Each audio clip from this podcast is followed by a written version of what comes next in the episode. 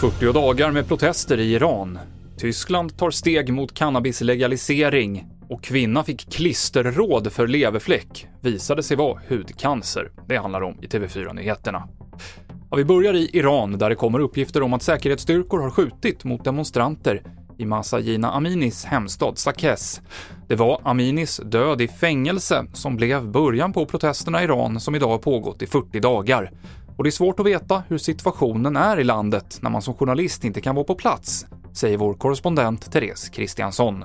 Många av dem som jag har varit i kontakt med löpande, det liksom går kanske två, tre dagar när de inte har något internet och då vet man inte alls och sen, sen funkar det igen. Men det som verkar vara det är att under veckorna så lugnar sig protesterna aningen, eller det blir mer på liksom riktade platser som inne på ett universitet eller på en skola.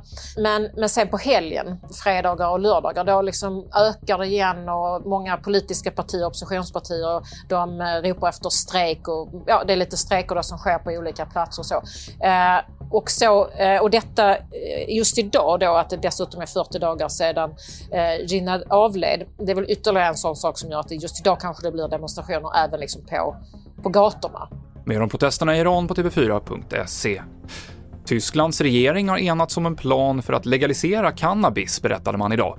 Enligt planen så gäller avkriminaliseringen innehav upp till 30 gram för personligt bruk och rätt att odla drogen hemma. Och licensierade butiker ska få sälja den till vuxna. Nästa steg i det här blir att undersöka om den här planen är förenlig med EUs lagstiftning. Den 19 november ska svenska herrlandslaget möta Algeriet i en träningsmatch. Den kommer att spelas i Malmö och det blir första gången på fyra år som herrlandslaget spelar en hemmalandskamp utanför Stockholm. Och till sist om en kvinna i Skåne som oroade sig för en leverfläck. Hon fick rådet av en läkare att antingen frysa bort den med en fryspenna från apoteket eller ta bort den med klister. Ett halvår senare kom en annan läkare fram till att det rörde sig om hudcancer. Nu så har den här händelsen Lex Maria anmälts. TV4-nyheterna i studion idag Mikael Klintevall.